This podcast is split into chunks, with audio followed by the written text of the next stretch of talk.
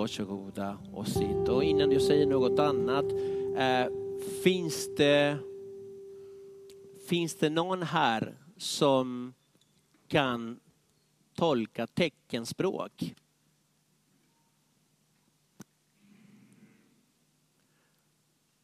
Någon som kan teckenspråk?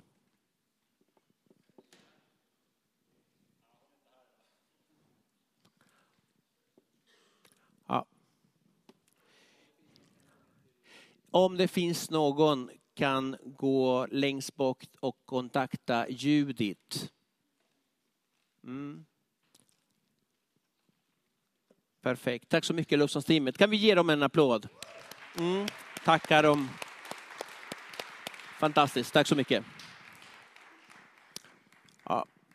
Eh, Jorge Moreno är mitt namn, kallas Joja här i kyrkan. Och tillsammans med min fru Rosa, vi är Eh, en av eh, pastorsparen som finns i eh, den här församlingen. Välkommen hit förresten, du som är här för första gången. Hoppas att du känner dig hemma, hemma här. Det är andra advent idag. Och budskapet som jag fick till den här söndagen handlar om skyltar. Ja, du säger, men vad har det med det att göra? Jag kommer till det. Ehm, precis. Ehm, skyltar. Vi, vi kommer i kontakt med skyltar hela tiden. Och skyltar signalerar någonting, beskriver någonting. Eh, och det brukar beskriva vad är som försiggår, vad är för verksamhet in i till exempel i en, i, en, i en lokal. Om det står bageri i en lokal, då vet du vad som finns där inne. Förhoppningsvis finns det bakelser och du kommer att komma i kontakt med den här lukten. Nybakade bullar. Yeah. Eh, kommer du in liksom i ett apotek, då förväntar du dig att det finns mediciner. Och kommer du in i en kyrka, då förväntar du dig att du ska, Jesus ska vara där. Förhoppningen är det. Eh, så skyltarna, det beskriver saker. Och det finns eh, skyltar som är välkomnande. Och finns skyltar som är inte så roliga att se. Eh, jag vet inte om det, och det, har hänt, det har hänt mig, det är därför jag säger det, att man kommer till exempel till en toalett och det är i sista sekunden typ och det står upptaget. Den, den skylten är inte rolig. Får se om den kommer där. Ja, upptaget. Mindre kul, mindre kul. Eller du eh, går in i eh, ett höghus och du ska till våning 10 och du hittar i hissen en skylt där det står tillfälligt ur funktion. Inte roligt, inte välkomnande. En annan, du eh, ska på pizzerian och bjuda kompisar och du rekommenderar den. Och sen kommer du fram och sen står det, vi har flyttat. Inte lullig. Eh, kommer till en plats och det står det är stängt. Har det hänt någon gång? Alltså det finns skyltar som man blir inte glad över. Liksom. Ehm, du vill köpa en, en viss, eh, du vill parkera bilen, så var det. Kommer, det hände mig igår faktiskt. Jag skulle till eh, Solna, till eh, Molde och där var fullt alltså. Man var tvungen att köra runt i den där gripande parkeringshuset länge för att hitta en plats. Um, du vill köpa någonting? Nej, det var inte alls det. Utan du kommer till ett hotell och det står fullbokad. Det finns inte plats här. Och när vi pratar till exempel om Jesus, nu kommer, nu kommer julen och sådär. Då brukar vi tänka, ja men så kul med gullige lilla Jesus. Han är så välkommen. Inte alls. För att den skylten han fick möta det var, det finns ingen plats. Nu blev det tyst. Nej, jag skulle inte paja julen för dig, men eh, Maria och Josef kommer desperata till Betlehem i sista sekunden.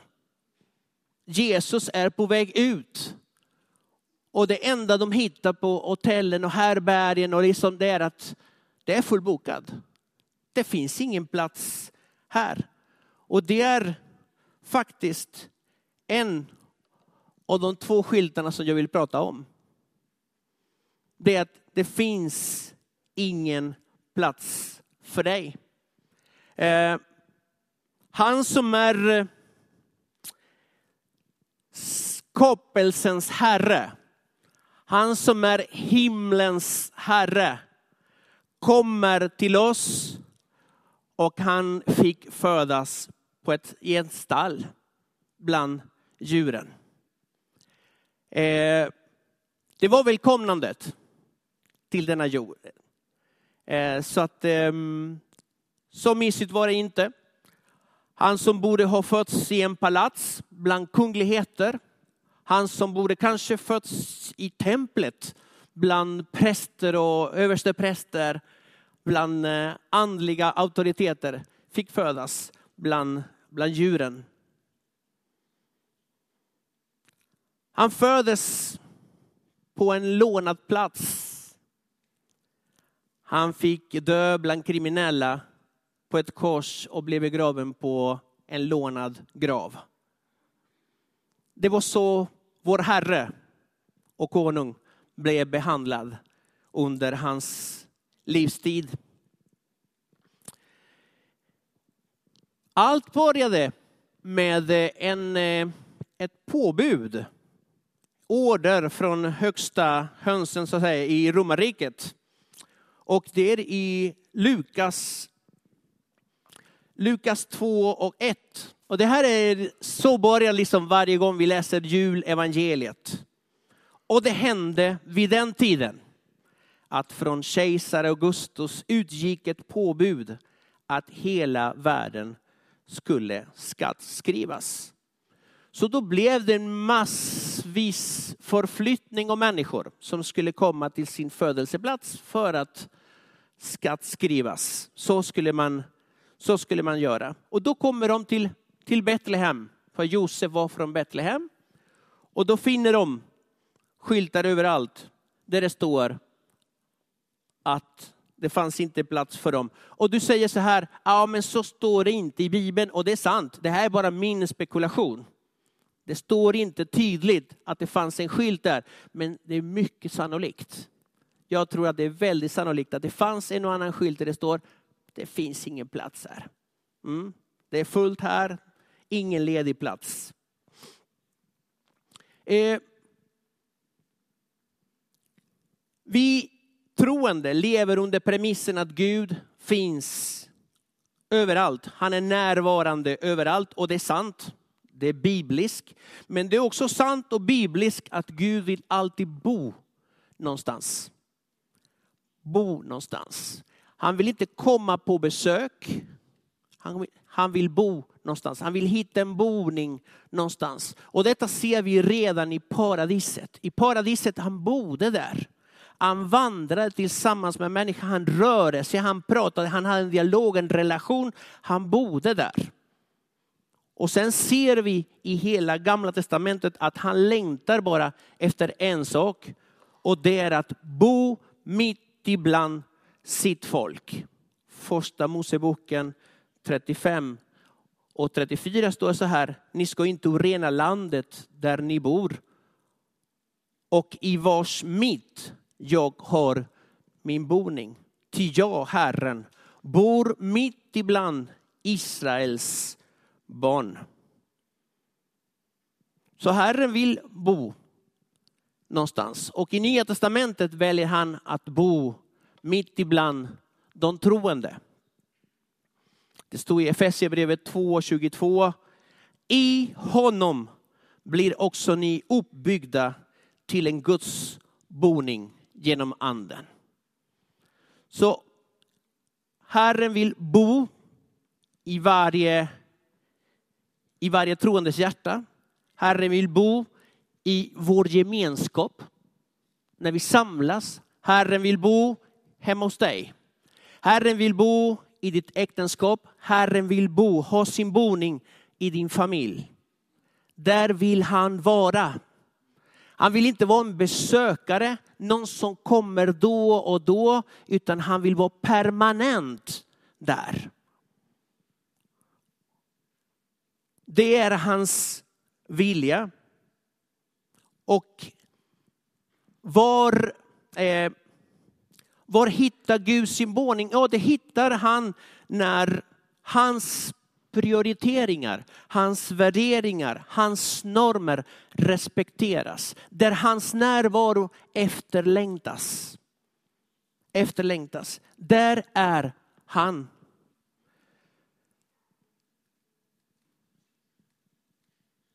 Jag tror att det är farligt att betrakta Jesus som en gäst som kommer på besök. Ibland i våra kyrkor säger vi välkommen Jesus till denna plats, när det egentligen det är han som äger platsen. Det är vi som kommer till honom. Han är redan på plats. Det är farligt att börja se Jesus som något man har kontakt en gång i veckan på söndag förmiddag. Utan det är någon som är med mig på jobbet. Det är någon, någon som är med mig hemma. Han vill bo med mig. Inte bara de glada dagarna när allt är på toppen, också även i dalen. När man har sina dåliga dagar, där också är han. Han vill vara nära oss. Han längtar efter oss så, så djupt.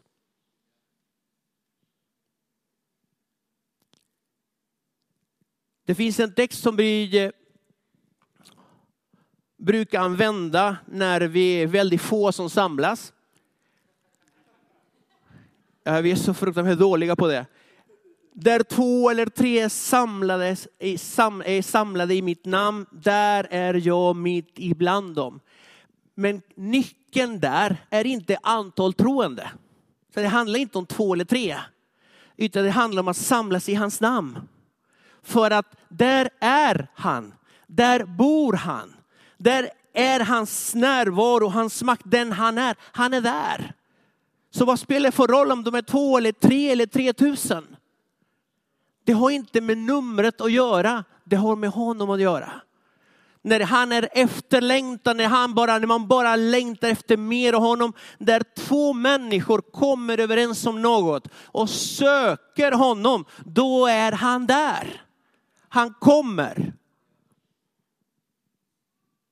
Betrakta aldrig honom som en besökare, varken i kyrkan eller hemma hos dig. För Gud vill, Gud vill att där han är ska människor känna sig välkomna. Välkomnade. Inte bara här i kyrkan, även i våra hem. Paul läste nu för Kristoffer hur det var i den första kyrkan.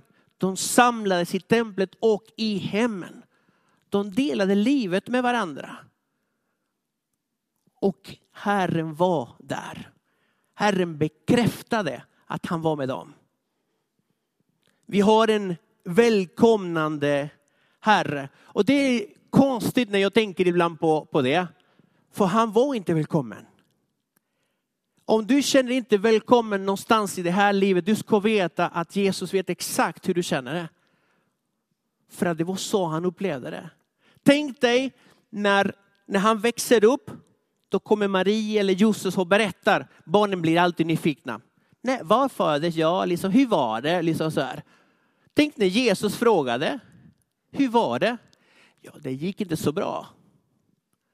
Det var fullt överallt, det var fullbokat. Så vi var tvungna att gå till ett stall. Och där föddes du. Där föddes du. Det var lite halm och vi gjorde någon slags säng och vi försökte göra det bäst vi kunde. Han vet hur det känns att inte vara välkommen. Han var inte välkommen när han blev större bland fariseerna, bland de, de bibeltrogna eller bland de som kunde sin bibel. Han var inte välkommen bland prästerna, han var inte välkommen bland politiker, han var inte välkommen. Men bland de som ingen ville ha var han välkommen. Det finns en text i Lukas 15 som står så här. Alla publikaner och syndare håll sig nära till Jesus för att höra honom. Men fariseerna och de skriftlärda kritiserade honom ständigt och sa, den mannen tar emot syndare och äter tillsammans med dem. Vilken förakt finns i de, i de meningarna, i de orden. fanns en förakt för honom. Ändå, ändå var han välkomnande. Det var därför de som var inte välkomnade kände sig hemma hos honom. Det fanns någonting i blicken på Jesus, det fanns någonting i, det fanns en ton, tonläge i rösten som de kände sig, här är jag välkommen. Hit kan jag komma. Och de älskade att lyssna på honom. Det står till och med att de, eh, de hängde vid hans läppar. Varje ord han sa det var präglad av kärlek. Det var präglad av en välkomstkänsla. Det fanns en varm känsla i honom. Trots att han inte fick uppleva det många gånger.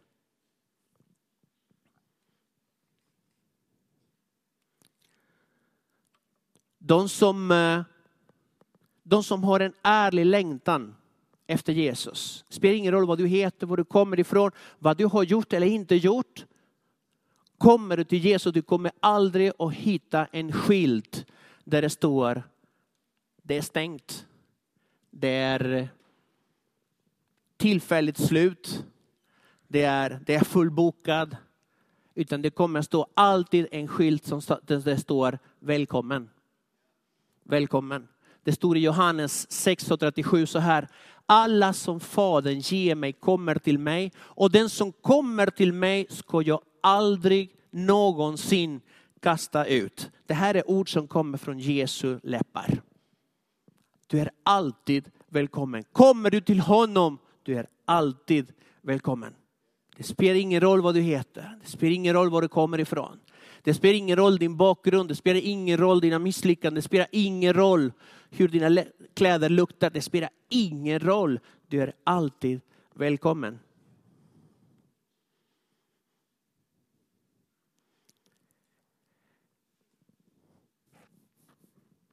Att vara välkommen. Eh, jag vet inte om ni har hört den här historien. Den är så här rolig, halvrolig. Jag vet inte om den är så rolig. Eh, Det var en man som var berusad. Och han sitter på trottoarkanten mitt emot en kyrka och är väldigt ledsen. Han gråter. Han är ledsen. Och då är det så att Jesus gick förbi och sätter sig bredvid honom och frågar, eh, vad är du ledsen för? Och då säger han, de där i kyrkan, de vill inte att jag ska vara där. Och då svarar Jesus, var inte så ledsen, jag fick inte det heller. Jag vet inte om det var roligt eller patetiskt, jag vet inte.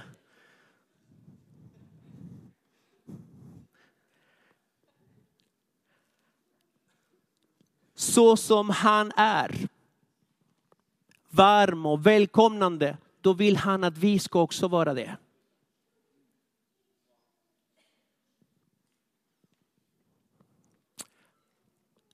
Han längtar efter att hitta människor som söker och hungrar efter honom. Han längtar efter människor som, som söker hans gemenskap. Han längtar efter människor som ägnar sig åt det han brinner för. Och det är att flera människor ska få lära känna honom.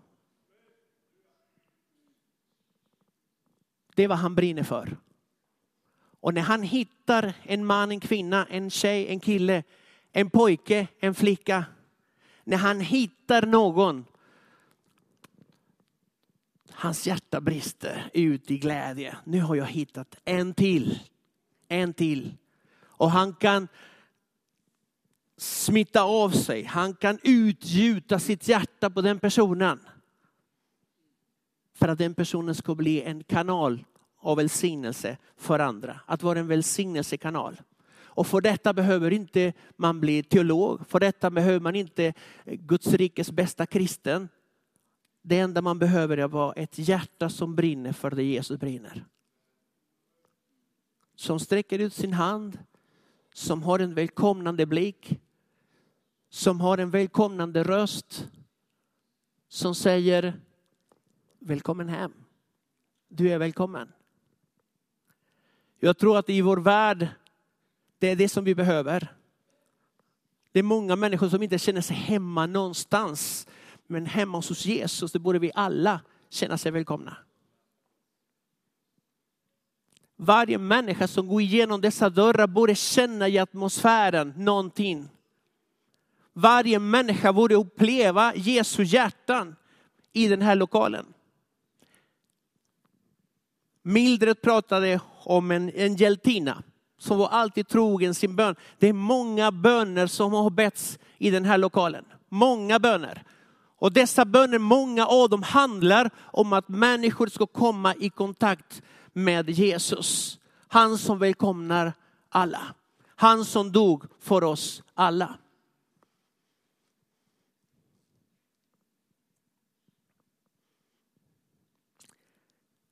Det finns konsekvenser av att välkomna Jesus i sitt liv. Det finns välsignelse, Guds närvaro, Guds kärlek, Guds kraft kommer in i sammanhanget. Jag vill ha ett hem där Jesus trivs i. Jag vill ha ett äktenskap där Jesus trivs i. Jag vill ha en familj där Jesus trivs i. Jag, vill, jag är i en församling där Jesus trivs i. Det är min längtan. Det är min längtan, det är min bön. Att tillsammans bygga ett, ett altare. Gud, du är välkommen hit. Gud, kom med din närvaro. Det finns beskydd i hans namn, där han är. Det finns frihet där han är.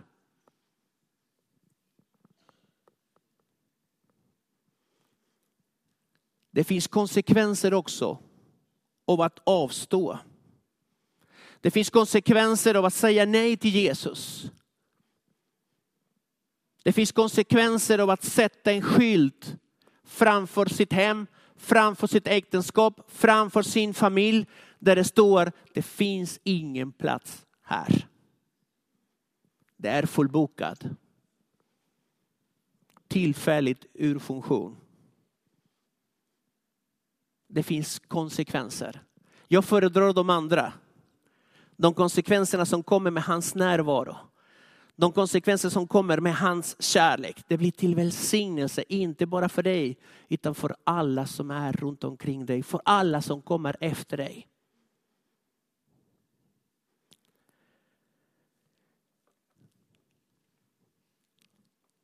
Det finns en till skylt.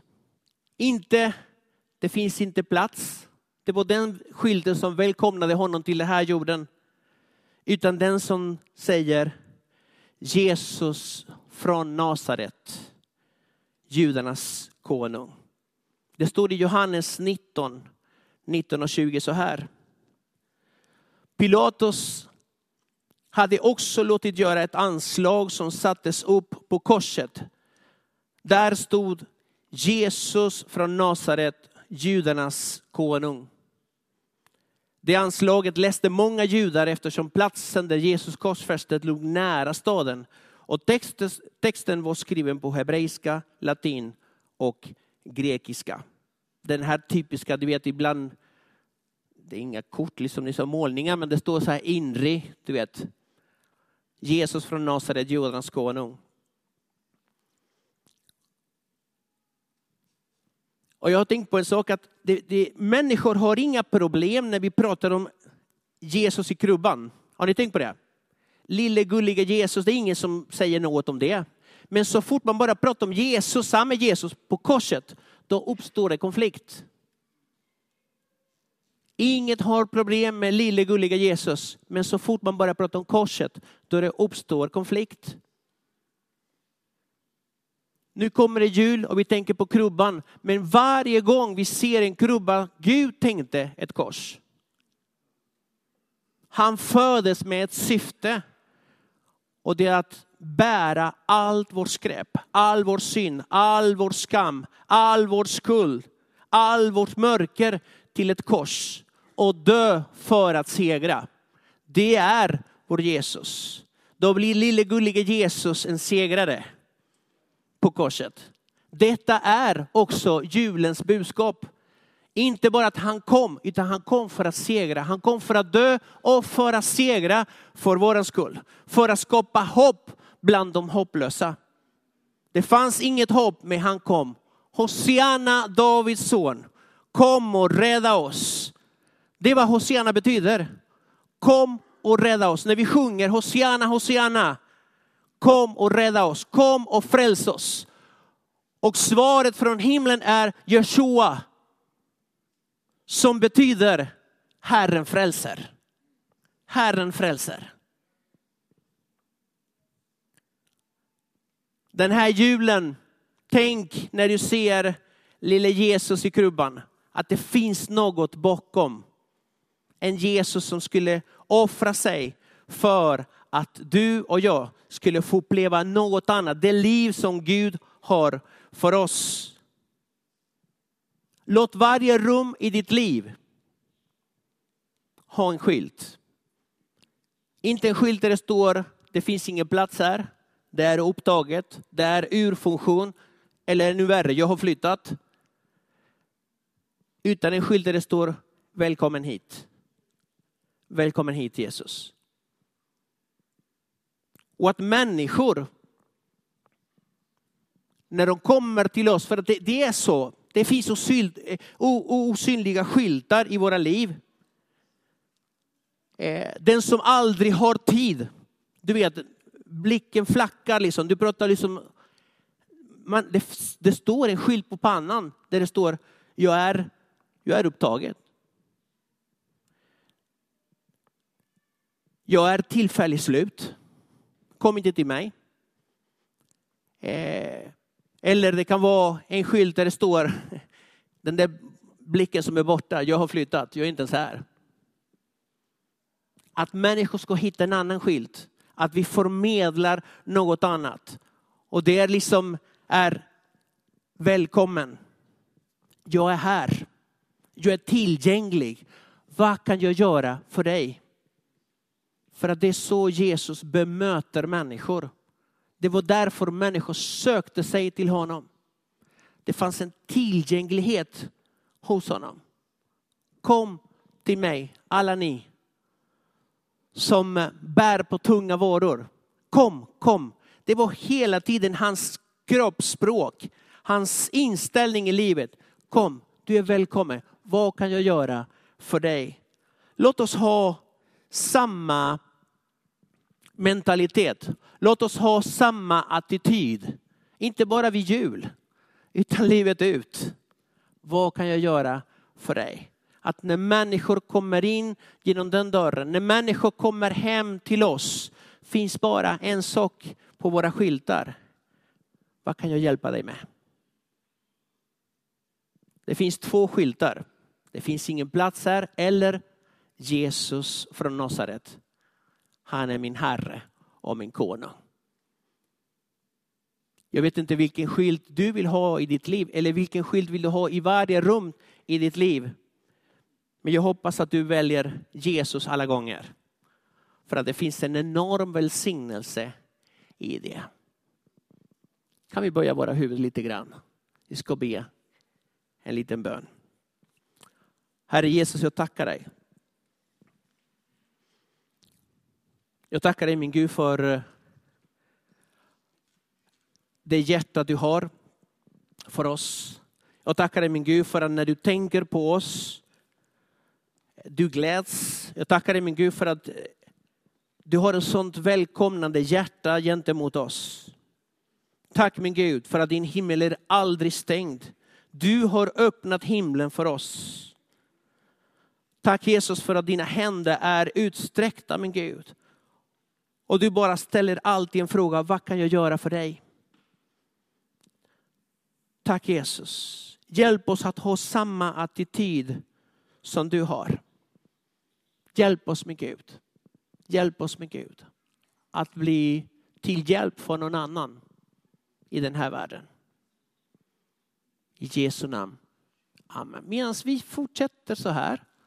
Jag skulle vilja fråga om du finns här och du har aldrig tagit emot Jesus som din Herre.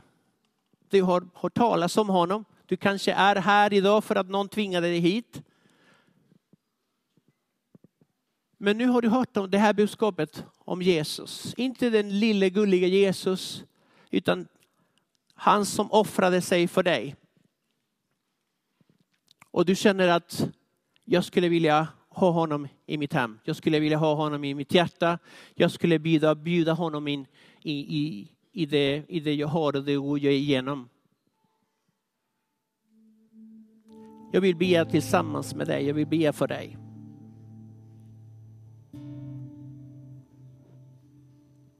Om du finns här, du kan räcka upp en hand.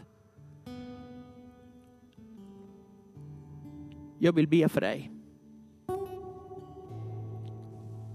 Tack Jesus. Tack Jesus. Om jag ska vara ärlig, jag ser ingenting. Så att jag, jag ser, om du har räckt upp handen, förlåt, jag har inte sett det. Kan vi, kan vi göra så här, att vi ber en bön tillsammans? Säg efter mig, kära Jesus, jag tackar dig för att du gav ditt liv för mig. Förlåt alla mina synder och kom in i mitt liv. Fräls mig. Förlåt mig. Jag tackar dig Jesus för att du gör det. För att du tar emot mig som ett Guds barn. I Jesu namn. Amen. Om du är här och du känner att, att du har gjort det här, du har fattat det här beslutet. Vi vill så gärna prata med dig. Vi vill så gärna ta kontakt med dig. Så att om en liten stund kommer våra eh, förebedjare och samlas där. Du får gärna komma till oss, berätta eh, vad du har gjort och vi vill så gärna be för dig, ge dig Bibeln eh, och välsigna och välsigna ditt liv. Eh, innan, innan mötet, det samlades några eh, människor här. Och eh, man bad till Gud. Eh, vem var det? Sören, var det du? På skärmarna kommer nu. Åh, äntligen. Det har vi pratat om länge, men nu, eh, nu fungerar det, eller? Ja. Vi kan stå upp. Låt oss prisa Herren.